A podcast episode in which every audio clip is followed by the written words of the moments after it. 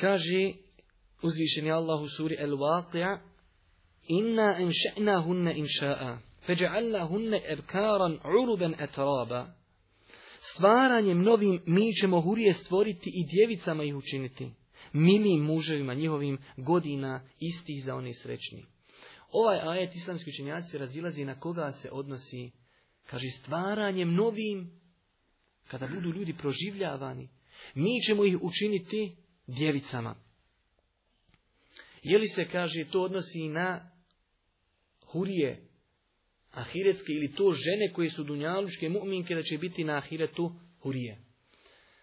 Dva, znači stava, jedno možda jače i malo mišljenje jeste da se to odnosi na žene koje su bile na dunjaluku vjernice, i to je tefsir Ibn Abbasa i to potvrđuje hadis Allahu poslanika alihi salatu wasalam za kojeg određeni učenjaci kažu da je dobar, hasen. Na jedne prilike došla jedna starica Allahom poslaniku i kaže Allahu poslanikše, moli Allaha da uđem u džennet. Kaže Allahu poslanik, starice neće u džennet.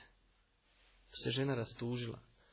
Allahu poslanik je otišao klanjati u džamiju, kada se vratio, kaže Aisha, teško su mi, kaže, pale one tvoje riječi. Starica neće u džennet. Pa kaže Allah poslanik alaihi salatu wasalam, odgovarajuća iši, citira znači ovaj kuranski ajet, Inna Allaha idha adkhalahunna al džennete, hunna abkara, uzvišeni Allah kada uvede njih u džennet, on će njih, kaže, stvoriti da budu djevice i da budu mlade. I to je taj hadis koji uslamski učenjaci citiraju, kako se Allah poslanik nekada šalio, ali na istinit način. Znači, čovjek se može našaliti, ali da pred, u svemu tome govori istinu, onaj, u svemu tome da, da govori istinu. Kaže se u Adijsku iz Buharija, koji govori o dženeckim ljepoticama, kaže kada bi se pomolila i izvirila na dunjalu jedna dženecka ljepotica, obasjala bi sve od istoka do zapada, i sve mirisom bi, znači to, proširio bi se miris od istoka do zapada. Kaže, njena mahrama na glavi, njena mahrama na glavi je bolja od Dunjaluka i svega što je na Dunjaluku.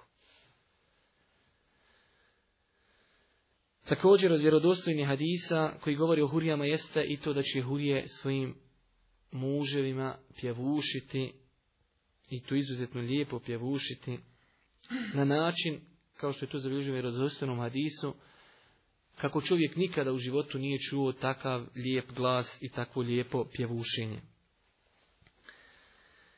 Zadnji hadis koji govori o tome, poznati hadis koji izbližava muslim,